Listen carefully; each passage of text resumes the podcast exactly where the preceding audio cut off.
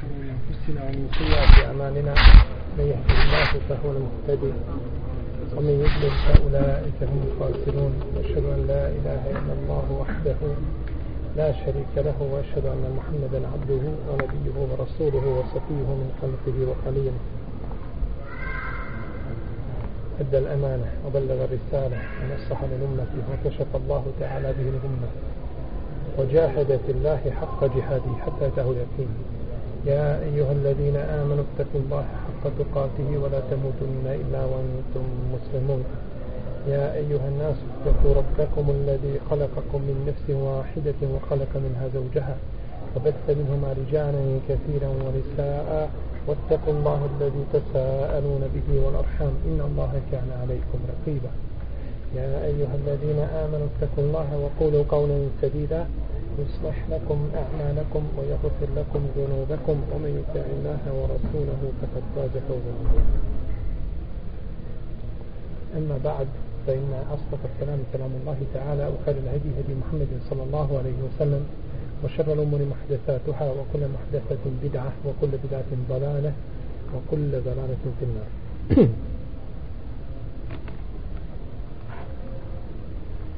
هل يعتبر الدم من النجاسات da li se smatra krv od nečistoća ili da li krv pripada nečistoćama? Islamski učenjaci po ovom pitanju imaju dva stava. Poznato je kod učenjaka četiri pravne škole. Znači mislimo na hanetijsku, malikijsku, šafijsku i hambelijsku pravnu školu da je krv nečista i to dokazuje ajetom u kome uzvišeni kaže قل لا أجد فيما أوحي إلي محرما على طاعم يطعمه إلا أن يكون دما مسفوحا أو ميتة إلا أن يكون ميتة أو دما مسفوحا أو لحم خنزير فإنه رجس reci ja ne vidim u ome što mi se objavljuje da je išta zabranjeno jesti osim ako je strv ili krv koja šiklja. Demen mespuhan drv, krv koja znači ističe pri klanju. Evo lahme henzir ili da je to svinsko meso. Pa smo govorili o propisu strvine da je šta? Da ne tako. I govorili smo o propisu a mesa svinskog da je isto tako nečisto spomenuli smo hadis kod imamo Muslima koji ukazuje na čistoću. Pa je ovdje spomenuta krv uz to. Pa kažu ima isti propis. To je mišljenje čije? Većine učenjaka. Većine učenjaka znači četiri pravne škole. Jedna skupina učenjaka iz kasnijih generacija poput imama Šaukanija poput Sidika Hasana Hana poput šeha Albanija Ibn Usajmina i drugih smatraju da je krv čista. Smatraju da je krv čista. Kažu nema argumenta koji ukazuje na nečistoću krvi. I njihovi argumenti su naredni. Prvi argument je da je osnova kod stvari da šu, da su šta? Da su čiste. Da su čiste. Znači kada uzmemo neku stvar kažemo ova stvar je nečista mora imati argumentu U protivnom je ona šta? Čista, to je Allah rešeno blagodat prema nama. Šta mislite da je svaka stvar nečista osim ono za koje, za koje ima argument da je čista? Kad god bi se došlo u džamiju, mora bi neko stojati da kaže ja sam ovaj tepih oprao prije su ste. Pa tako odjeću, tako sve živo. Šta god da bi čovjek dotaknuo, mora bi prati ruke nakon toga, jer bi bilo osnovno da je to nečisto. To bi bilo veliko opterećenje za čovjeka. Pa je uzvišen Allah te barak je otala olakšao s te strane, pa je učinio osnovu kod svih stvari da su čiste dok ne dođe argument koji ukazuje na nečistoću dotične stvari. Pa kažu, krv je čista i ona je na svojoj osnovi da je čista. I nema argumenta koji ukazuje na njenu nečistoću. Drugi dokaz njihov jesu riječi Hasan al-Basrija koje je zabilježio imam Buharija u svome sahihu gdje kaže ma zalali muslimune usallune fi džirahatihim muslimani od uvijek klanjaju u svojim ranama. to jeste muslimani su od uvijek u džihadu, vodili džihad i bili ranjavani u džihadu i klanjali su kao takvi.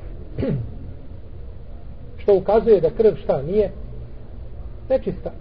Jer ne bi mogli klanjati u takvim takvoj situaciji. I dokaz im isto tako hadis Alekum Koga bilježi imam Buhari u svome sahihu muallakan, kažemo muallakan, to znači bez lanca prenosilaca. To znači onako ga imam Buharija spomenuo u svome sahihu. I on ne ulazi, takvi hadisi ne ulaze u sahih Buhari. Ovo zapamti. U Buharinom sahihu imate predaje koje nisu od sahiha. Jer imam Buharija kad je naslovio svoj sahih, on ga je nazvao es sahih el musned. El džami' el muhtesar.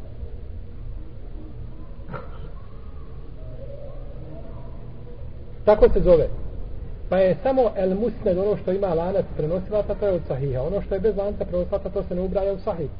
To se ne ubraja u sahih.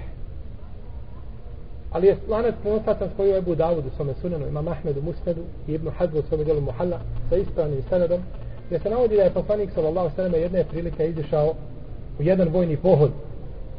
Pa je zarobio ženu jednog mušrika. Pa je taj mušlik zakleo se da će proliti krv ashaba poslanika sallallahu sallam zbog tog čina. Pa je pratio Allahovog poslanika i ashabe dok nisu došli do jednog mjesta gdje su odcijeli. Pa su se dogovorili muhađira, muhađir i ensarija da svaki od njih dežura po jedan dio noći. Pa je prvi dio noći dežurao ensarija, a drugi dio noći muhađir. Pa kad su zaspali poslanik sallallahu sallam i ashabi, prišao je ovaj mušrik i udario strelom ovoga ensariju dok je bio u namazu. On je stao u namaz da klanja pa se ensarija nije pomjerio nikuda. Pa je prišao mus, mušnik do njega, iščupao strelu iz njegovog tijela i ponovo ga pogodio drugi put, istom strelom. Pa se opet ensarija nije pomjerio.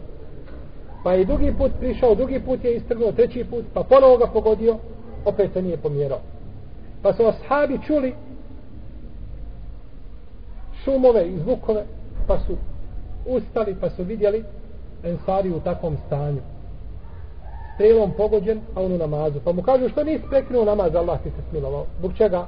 Kaže, bio sam u namazu i učio sam suru koju jako volim, a mrzio sam, kaže, da je prekinem. Mrzio sam da prekinem učenje te sure, pa sam trpio, znači, to što se dešavalo. Kažu ovi učenjaci, ova nam predaj ukazuje da je ovaj, da je šta, da je krv Jer strelom kada je pogodio, pa izvukao strelu, pa drugi put, pa je tako? Jedino kažemo da strelu njihovo vrijeme dihtovale.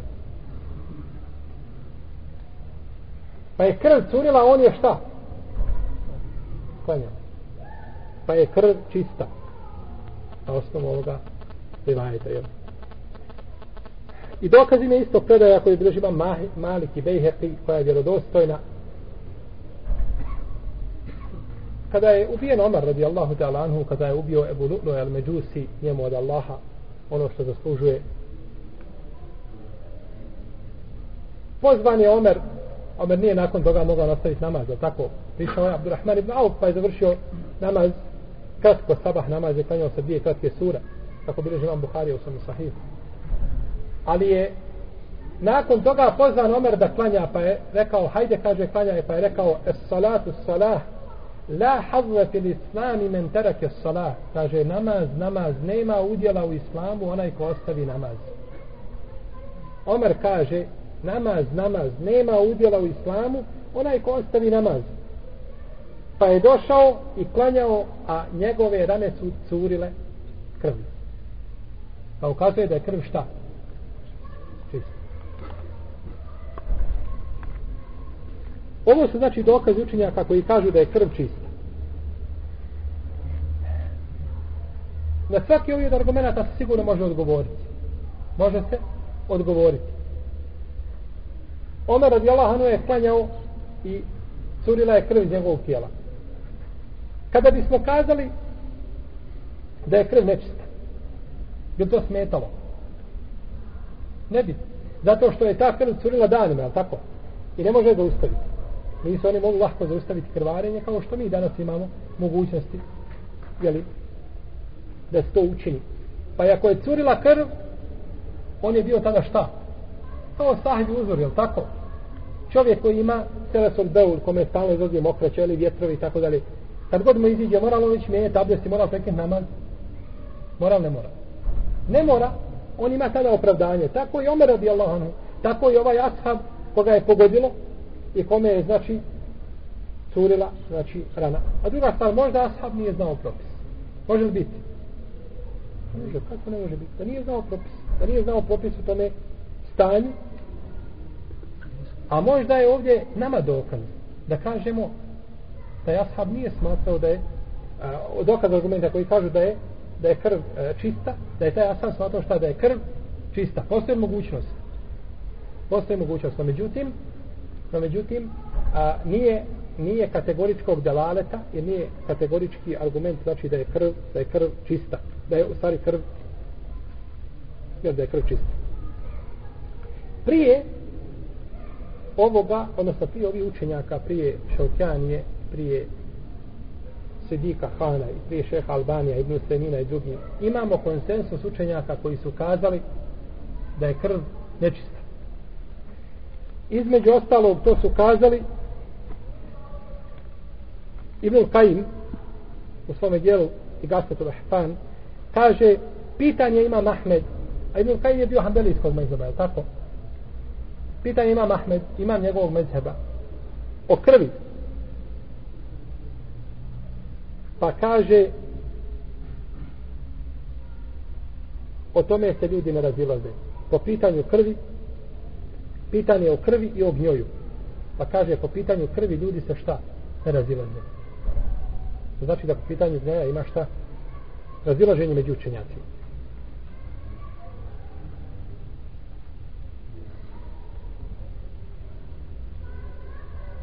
I spominjao je da je gnjoj blaži od krvi. Da je njoj blaži od krvi. Znači po pitanju nečistoće. I spomenuo je, mi znamo da ima Mahmed umro koje godine? Ko zna? 241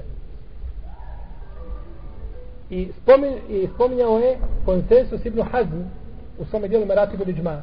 a Ibn Hazm je umro koje godine 465 i on je spomenuo. I to je spomenuo Ibn Hajar u Fethul Bariju a on je umro 852. hijđarske godine. I to je spomenuo Ibn Abdel Beru sa svome Temhid a on je umro 3 godine prije Ibn Hazma koliko se sjećam. E, 463 spomenuo je to Ibn Arabi u svom djelu Kur'an, poznati malikijski učenjak. Ibn Arabi, kad kažemo Ibn Arabi, nije to onaj Ibn Arabi, onaj Sufija pokvarenjak nego je to Ibn al-Arabi to je poznati malikijski pravnik koji ima svoj komentar na na džamiju Tirmizi koji se zove Aridatul Ahvezi to je Ibn al-Arabi poznati učenjak tako da je ne miješao. I to je spomenuo Ibn Mulekin u svome dijelu El I'lam. I on je spomenuo da je krv nečista. I to je spomenuo imame Neuvi u svome dijelu El Međmu'a I to je drugi učenjaci. Vidimo ovdje da je Šaukjani, Sidik Khan, Šeh Albani, Ibn Semin da su kazali suprotno konsensusu učenjaka kako ćemo ovo tretirati? Jer kazati suprotno konsensu učenjaka je velika stvar. Kako ćemo razumjeti ove stvari? Ko zna?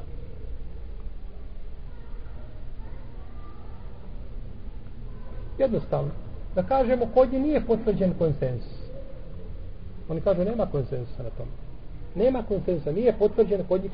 Pa ponekad, braćo, konsensus može biti kod tebe potvrđen. Ti imaš deset učenjaka koji su kazali, a neko to ne prihvata možda je našao nekoga da je spomenuo negdje ili ne smatra da je taj konsensus prenešen ovaj ispravnim putima i slično tome da nije potvrđeno ti imama Pa nakon toga kaže suprotno. Jer ne bi sigurno ovi učenjaci kazali suprotno konsensus.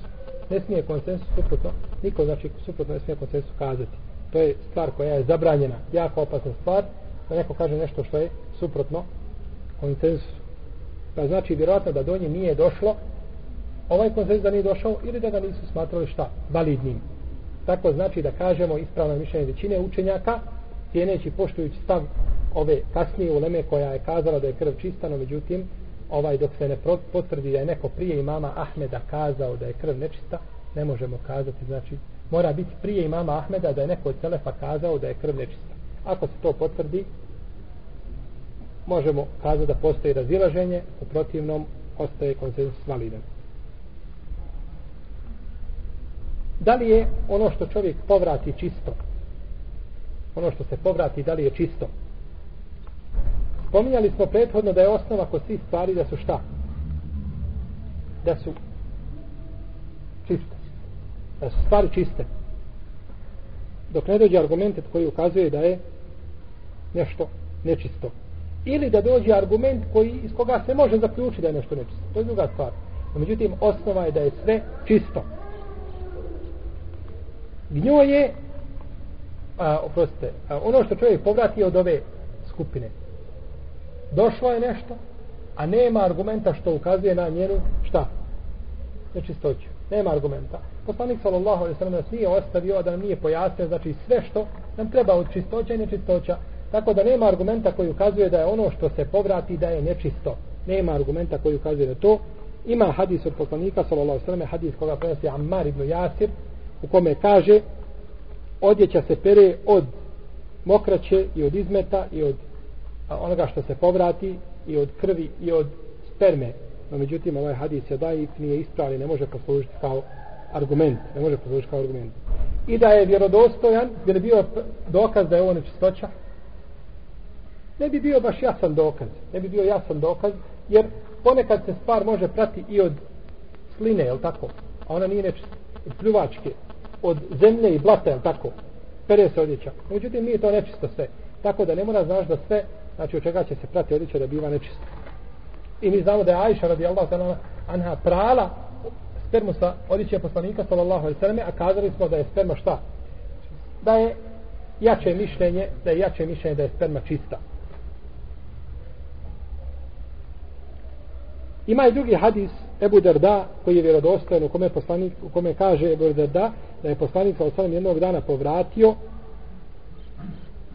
povratio i da je prekinuo svoj post i da se i da je da se abdestio. Može li ovaj, ova predaja ukazati da je ono što se povrati nečisto? Abdestio nakon nje. Ne može. Može li ukazati da se mora čovjek abdestiti ako povrati? Ha? Može. Može. Ti kaže da ne može. Radiš vas ovamo. Ha? E, tako je. Zato što je to postupak. Ne može ukazati na obavezu. Jer postupak ne ukazuje na šta na postupak u šarijatu ne kazuje na obavezu. Kaže se, na primjer, da je Allahov poslanik, sallallahu alaihi sallam, uradio tako i tako, onda to što je uradio ne ukazuje da je obaveza. To ukazuje da je to šta sunnet. A ne može ukazati da je obaveza, jer za obavezu mora biti naredba, riječima naredba. To je bitna stvar. Da ne bi nešto kažeš, Allahov poslanik je tako radio, to je vađib. Zašto mi ne kažemo da dizanje ruku u namazu nije vađib? pri početnom tekbiru pri odlasku na ruku pri vraćanju sa rukua. Zašto dizanje ruku nije vađiv? Zato što je to Allahov poslanik radio, a nije naredio da se radi. Nema nigde hadisa se kaže i diži ruku u namazu. Nije. Nego je preneseno da je Allahov poslanik sa osam tako radio. Pa to nije vađib, nije obavezno. Ko učini ima nagradu, ko ne učini, nećemo znači biti poklani namaz ispeć o tome. Jer nema naredbe o tome. Naredba znači nije, nije za obavezu na, ovaj postupak nije za obavezu, već će naredba za obavezu. Govorili smo, spomnjali smo znači da je naredba da biva postupak obaveza samo ako je taj postupak pojašnjenje naredbe. Ako je postupak pojašnjenje naredbe, tada postupak biva obaveza. To je iznimka. Na primjer, Allah Đelšanu kada kaže ovaj osjetite osariku osarikatu fakpau ejdijehuma i kadljicu i kadljicu osjetite ruke. Ruka u šarijatu obuhvata od ramena do zgloba ili do prsta. To je sve ruka. Šta da mu osjećaš Od zgloba, od lakta, od ramena. To je ruka, sve u šarijatu. Pa nije šarijat precizirao. Ali je došao postupak poslanika sallallahu alaihi wasallame da se ruka rezala odakle od od zgloba. I to je po konsensusu pravnika bez razilaženja ruka se reže od zgloba. Ne reže se od odakle. Od lakta niti od, od, od ramena. Bez obzira kolika krađa bila. A da ne bi neko kazao ovaj nešto puno ukro, pa idemo od ramena ćemo za svaki slučaj. Ne može to. Znači reže se ruka od globa. Od globa se reže ruka. Ova naredba u Kur'anu došla, ali nije pojasnila šta. Preci, nije precizirao, znači propis. Pa je došao postupak poslanika sa osreme koji je precizirao šta, taj, tu naredbu, pa je onda taj postupak šta? Obaveza. Taj postupak je obaveza. U protivnom postupci nisu obaveza, nego postupci ukazuju na sunijet nečega. Ima čak i mišljenja da postupci poslanika sa osadem, da se uzmi, uzmi ne, ne, ne uzima se šarijetski propis i tako dalje, međutim to je mišljenje potpuno slabo. Potpuno slabo. Skupina, ima skupina argumenata, sigurno 15 argumenta možemo spomenuti koji ukazuju da su postupci poslanika sa osam, znači sastavni dio, sastavni dio šarijeta, osim Allahu dragi ako dođe, da je to da je taj postupak vrijedio samo za poslanika sa osam i sve tome, no međutim opet je to od šarijata. Jeste. To nam ukazuje da to nije za nas, nego da je za Allahov poslanika. Pa je to opet od šarijeta. Zato kad, kad su pitali jednog učenjaka, kaže, ima li u, u lošoj knjizi koristi? Kako je? Kaže, kako nema? Zna šta je loše. Naučite šta je loše. Naučite šta je loše. Pitali su ovoga što je što je struju radio, Tesla. Pitali ga, kažu, ti si pokušao na deset hiljada načina da dobiješ struju. I vidiš kada je koliko se vremena izgubio. Kaže, nisam izgubio vreme. Kaže, ja znam deset hiljada načina na koji se ne može dobiti struje. A znam jedan na koji se može dobiti. Tako da čovjek ponekad uči i šer i uči zlo da bi znao da ga se čuva. I zato nam je dokaz hadis Huzeyte kod Buharije u kome kaže pitali su ljudi poslanika za osadame o dobru, a ja sam ga pitao o zlu bojeći se da me ne zadesi pa ponekad čovjek treba znati zlo, ne da bi, ne zbog, znači, zla, nego, nego da bi znao, znači da se čuva, nego da se čuva tog zla.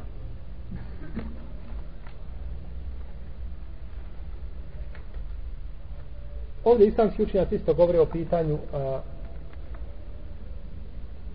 rutubeta ili vlažnosti koja se pojavljuje kod žena jeli, spolnom organu žene, da li je to nečisto ili čisto, znači ne, ne mislite na vediju ni na, na vozi, a meni isto o tome što smo govorili, nego jednostavno vla, vlaženje koje se pojavljuje, bilo od puno, kada se puno hoda, kada se puno kreće ili zbog napora i o tome, ovaj, većina islamskih učenjaka, učenjaka kažu da je to nečisto, a međutim ispravno je, Allahu alem, da je to čisto i nije sve što izlazi iz dva otvora nije nečisto, nije nečisto, znači sve što izlazi, odnosno ne kvari se abdest.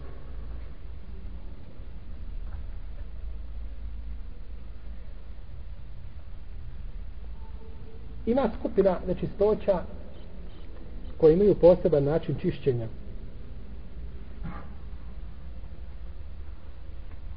Prvo čišćenje krvi ili odjeće koja dođe na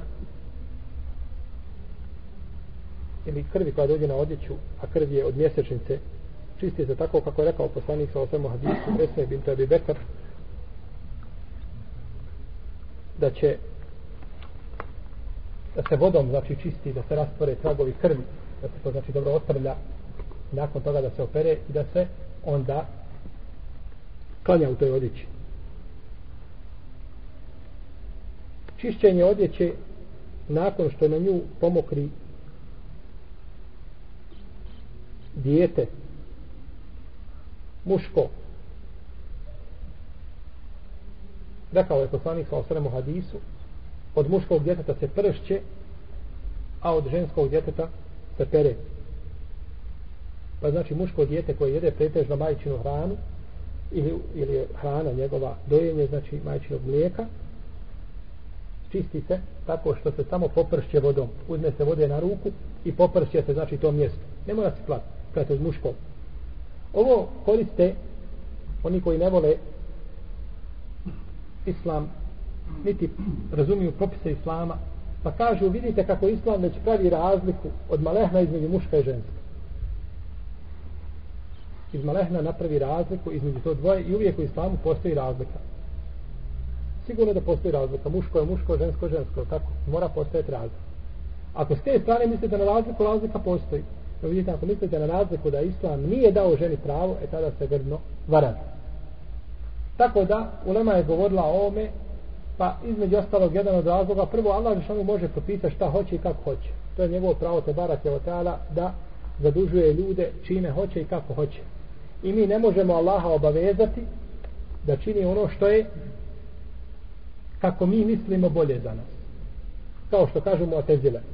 Mu'tezile je neiskrivena sekta Islama, kažu Allah mora, oni kažu ovako, Allah mora činiti ono što je bolje za robove. Mora. Ko je taj ko može kazati Allahu da Allah mora? Te barak je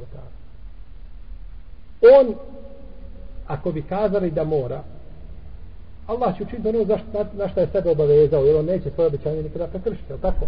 A da mi kažemo Allah mora, to je to je pogrdno. I to je batir. Kada je rekao jedan od Mu'tezila, jednom od učenjaka, kaže Allah mora, kaže u redu. Kaže, bila trojica braće, jedan odraste i bude pravi mu'min, vjernik je ode u džennet.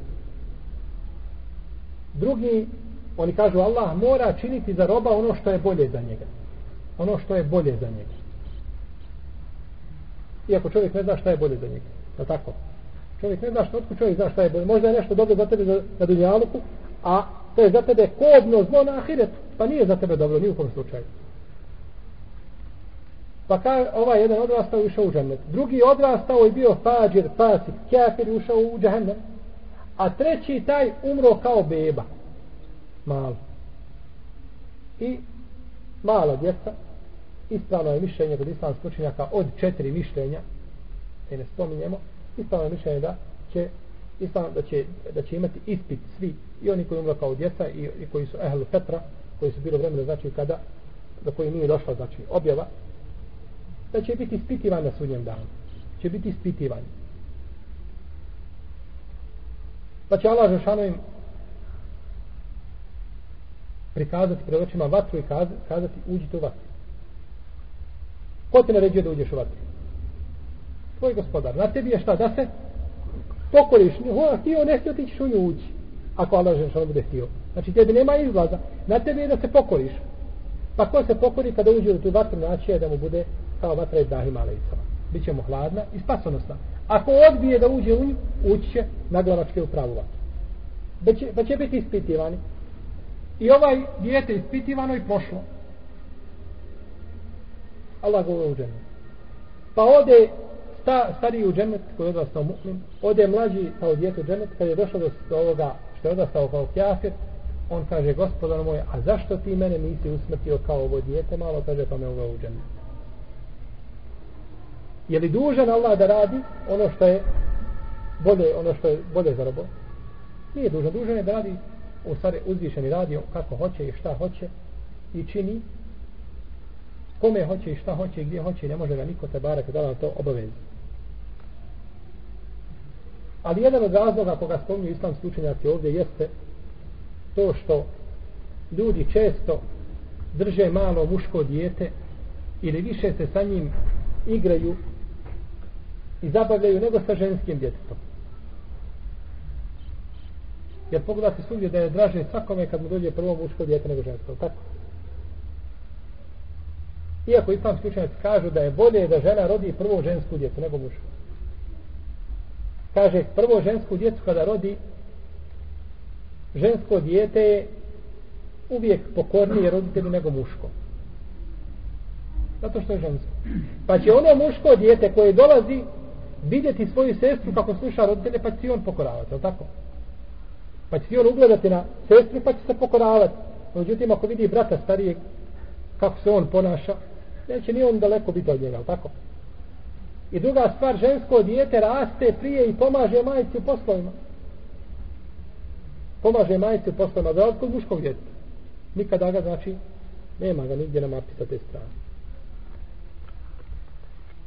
Pa se ljudi, znači, uzimaju to dijete, muško dijete, više u naručje, pa se često desi, znači, da obavi prirodnu potrebu na njega, što što u vremenu kada nije bilo tempasa i tako dalje, ovi stvari, jeli, koji sprečavaju, da, da, da to učini na odjeću onoga koga drži, kažu dovoljno je znači da se samo da se to poprče. Tako je došlo u hadisu poslanika sallallahu alaihi wa sallame koga bilježi imam Ebu Davud i drugi. Čišćenje odjeće od mezija. Spominjali smo šta je mezi. Ko će mi kazati šta je mezi? Ko sjeća sa pretprošlog ili prošlog predavanja? Pretprošlog. Ko sjeća šta je mezi? Molim? Ma ja, znači ona tekućina koja se pojavi kod muškalca ili kod žene kada dođe do uzbuđenja. Čišćenje je najbolje pranjem. Najbolje znači da se stvari operu. Najbolje je pranje. No međutim, došlo je u hadisu Sehla ibn Hanifa da je poslanik sa osvrame kada je pitan o čovjeku kome se je često pojavljivala Mezija kaže dovoljno ti je da popršćeš da popršćeš sa vodom tamo gdje vidiš znači da je došao da je došao mezi. To je jedan od načina čišćenja kao što je prskanje znači mokraće od malog muškog djeteta iako je najbolje pranje. Čišćenje a, du, a, duge ženske odjeće koja pada po zemlji kada ide. Žena kada ide po, a, kada obuče odjeću a, lijepo je da ta odjeća pada do zemlje. Pa čak je dobro i sunne da ta se odjeća vuče, vuče po zemlji jedan ili dva pedlja. Jedan ili dva pedlja. U hadisu umu Seleme radijallahu anhu radijallahu anha majke vjernika, žene poslanika sa osnovne se navodi da je kazala Allahov poslaniče kaže ja sam kaže žena koja pusti kaže svoju odjeću da se vuče po zemlji. Pa se to uh, kaže pa se onda onečisti kaže očistit će ono što je nakon toga. Znači najđe na nešto što je nečisto pa onečisti pa ide nakon toga vuče se po zemlji pa onaj čisti dio zemlje očisti ono što to je šta. Onečistilo. I znači nema potrebe više da to čisti znači nema potrebe više da to da to čisti jer pitala je poslanika sa osanem kaže kada ulazim Allah poslanič kaže kada ulazim preko praga kućnom kaže moja se odjeća diže šta da uradim? Kaže, pusti jedan pedel. A kaže, šta da radim ako se i pored toga diže? Kaže, opet se diže. Kaže, spusti je dva pedlja, a u drugoj, drugom rivaci spusti je podlakticu i nemoj više od toga. I nemoj više od toga. Pa je znači sunne da se vuče, znači tih neki pola metra ili malo manje po zemlji, a mimo toga bi bila oholost. Mimo toga ne bi trebalo da se vuče odjeća. To znači To, je, to su bili post sahabiki. Danas imate a, a, kod poznate a, zalutale sekte koji se zovu Habešije, imate kod njihove žene se prepoznaju po tome što nose pedel iznad članka. Koriste hadise što je ispod članka, to će biti u vatri. I hadise koji se kažu odjeća muslimana je do pola potkoljenice. To je za muslimana, nije za musliman. musliman koji je hadis u muslimane da se odjeća vuče po zemlji, a nije znači da se diže iznad čega? Iznad članaka. Pa iznad članaka to vrijedi za muškarce, znači da ne treba odjeću pustiti ispod članaka, a za žene da mogu pustiti znači do između zemlje i dužine jedne podlaktice. Čišćenje papuča ili obuće kada čovjek dođe u džamiju. Kaže poslanik sallallahu alejhi ve u hadisu Ebu Sa'id al-Hudrija koga bilježi Ebu Davud koji je vjerodostojan kaže kada neko od vas dođe u džamiju pa i kaže neka pogleda u svoju obuću ispod ko želi da klanja u njoj pa ako kaže vidi da ima nekakav vezijet na njoj i neđasat kaže neka to samo očisti od zemlju neka to očisti od zemlju i neka kaže potom klanja u obući svojoj neka klanja u obući. I klanjanje u obući je potvrđeno od poslanika sa osanem koliko se sjećam da ima 15 hadisa koji govore o namazu u papučama. Čak je u jednom hadisu došla naredba razlikujte se od židova i kršćana i klanjajte u svojim papučama jer on ne klanjaju u papučama. Pa došlo znači razlikovanje od kitabija klanjanjem u papučama. Čišćenje posude iz koje je nalokao pas. Govorili smo da se čisti sedam puta prvi put sa zemljom. Čišćenje kože od lešine ili od strvine.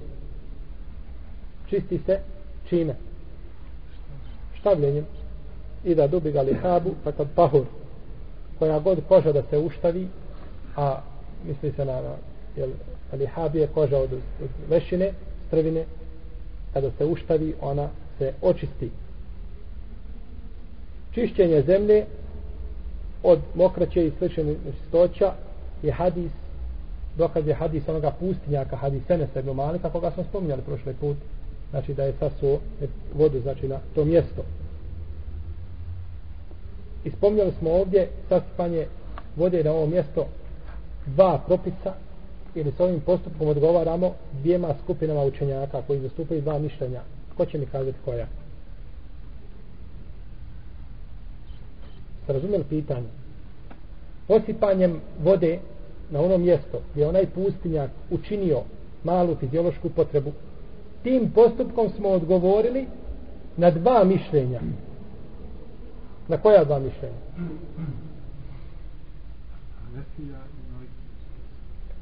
U red na koja dva mišljenja ne moraš spojiti pravnje škole na koja mišljenja dva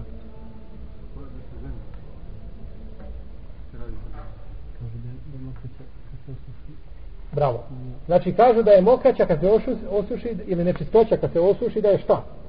Da gubi svojstvo neđaseta. Kažu da je čista. To je jedno od mišljenja.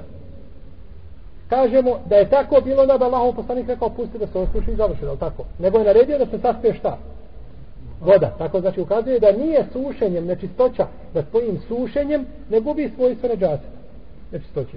I drugo mišljenje? I da se ne mora kopati što je su rekli učenjaci jedne pravne škole, mora se to iskopati, ne vrijedi saspati vodu. Mora se iskopati. Mi smo kazali da se mora iskopati samo u slučaju da je voda, da je zemlja šta? Tvrda, pa da bi se onda razlijevalo dalje. Jesi.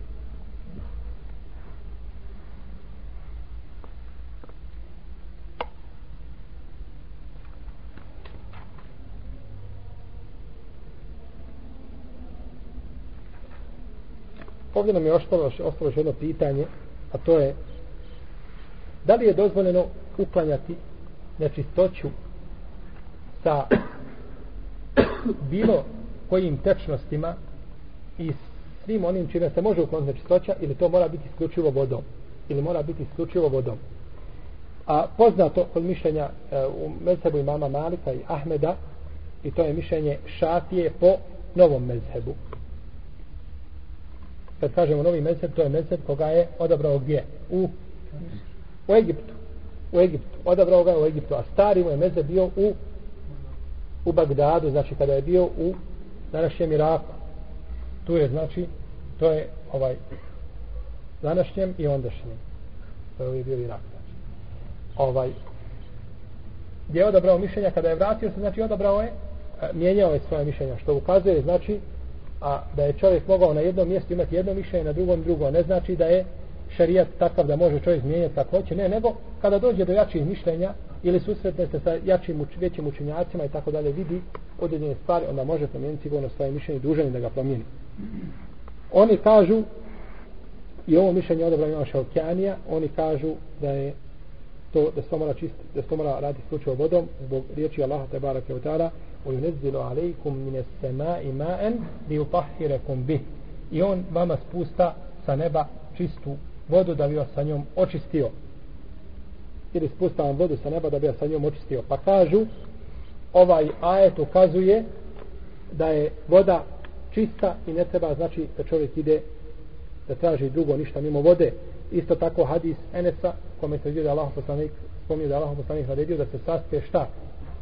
Posuda sa vodom na to mjesto. Kažu voda. Opet se spominje isto tako hadis koji je vjerodostojan. Hadis Ebu Salebe koga bileže Buharija i Muslimu kome je poslanik sa osrame naredio da se operu da se operu posude kitabija. Posude kitabija koje se operu vodom. Pa kažu došlo je u šarijetu da je voda čista i ne treba čovjek da ide mimo vode traži drugo. Došlo je kod hanetijski pravnik od Ebu Hanife znači to je drugi rivajet od Malika i Ahmeda i to je staro mišljenje imama Šafije i odabro ga Ibnu Hazmi šeho sam Ibnu Tejmije i isto tako Ibnu Semin da može nečistoća da se čisti i sa vodom i sa drugim stvarima. I sa vodom i sa drugim stvarima. Tako da ponekad će možda odsad očistiti neku nečistoću bolje nego voda, tako? Pa ako se može očistiti, dozvoljeno znači da se da se očisti. I to što se naređuje da je voda došla kao čišćenje, jeste voda je najčišće sredstvo čišćenja nečistoća, no međutim ne mora znaš da je da je jedino i nama je došlo u šarijetu da možemo čistiti se nakon nužde čime? Kamenčićima. Znači nije voda, a to je čišćenje najveći oblika neđaseta, čiste se tim čime? Kamenčićima, znači nije vodom i došlo je čišćenje u prethodnom Adisu u Museleme čišćenje odjeće u žene koja se vuče po zemlji pa se nečisti čime?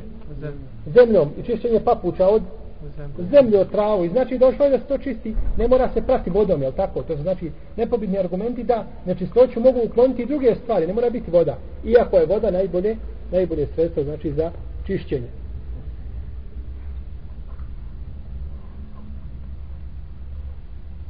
Ako dođe na odjeću ili na mjesto gdje čovjek hoće da klanja ili na tijelo nešto od nečistoća pa ukloni to nečim mimo vode i otkloni nečistoću. Dođe čovjek nečistoća na primjer ovdje na ruku. I on to može kamenčićem da skine potpuno da nestane potpuno znači ukloni ne vidi se ništa više. Je to očićeno jeste očićeno bitno je ukloniti nečistoću. Ova ulema koja kaže mene kažu mora voda mora se prati. Mi kažemo ne mora, bitno je ukloniti. Na bilo koji način da ukloni se nečistoća, padne nečistoća čovjeku, da je, na primjer, u suhom stanju i da puhne čovjek da to usisa i tako dalje i da se ne vidi tragovi. Znači, to je šta? To je čisto. To je očišćeno. Ovdje ne treba koristiti kod čišćenja nešto od hrane ili vode.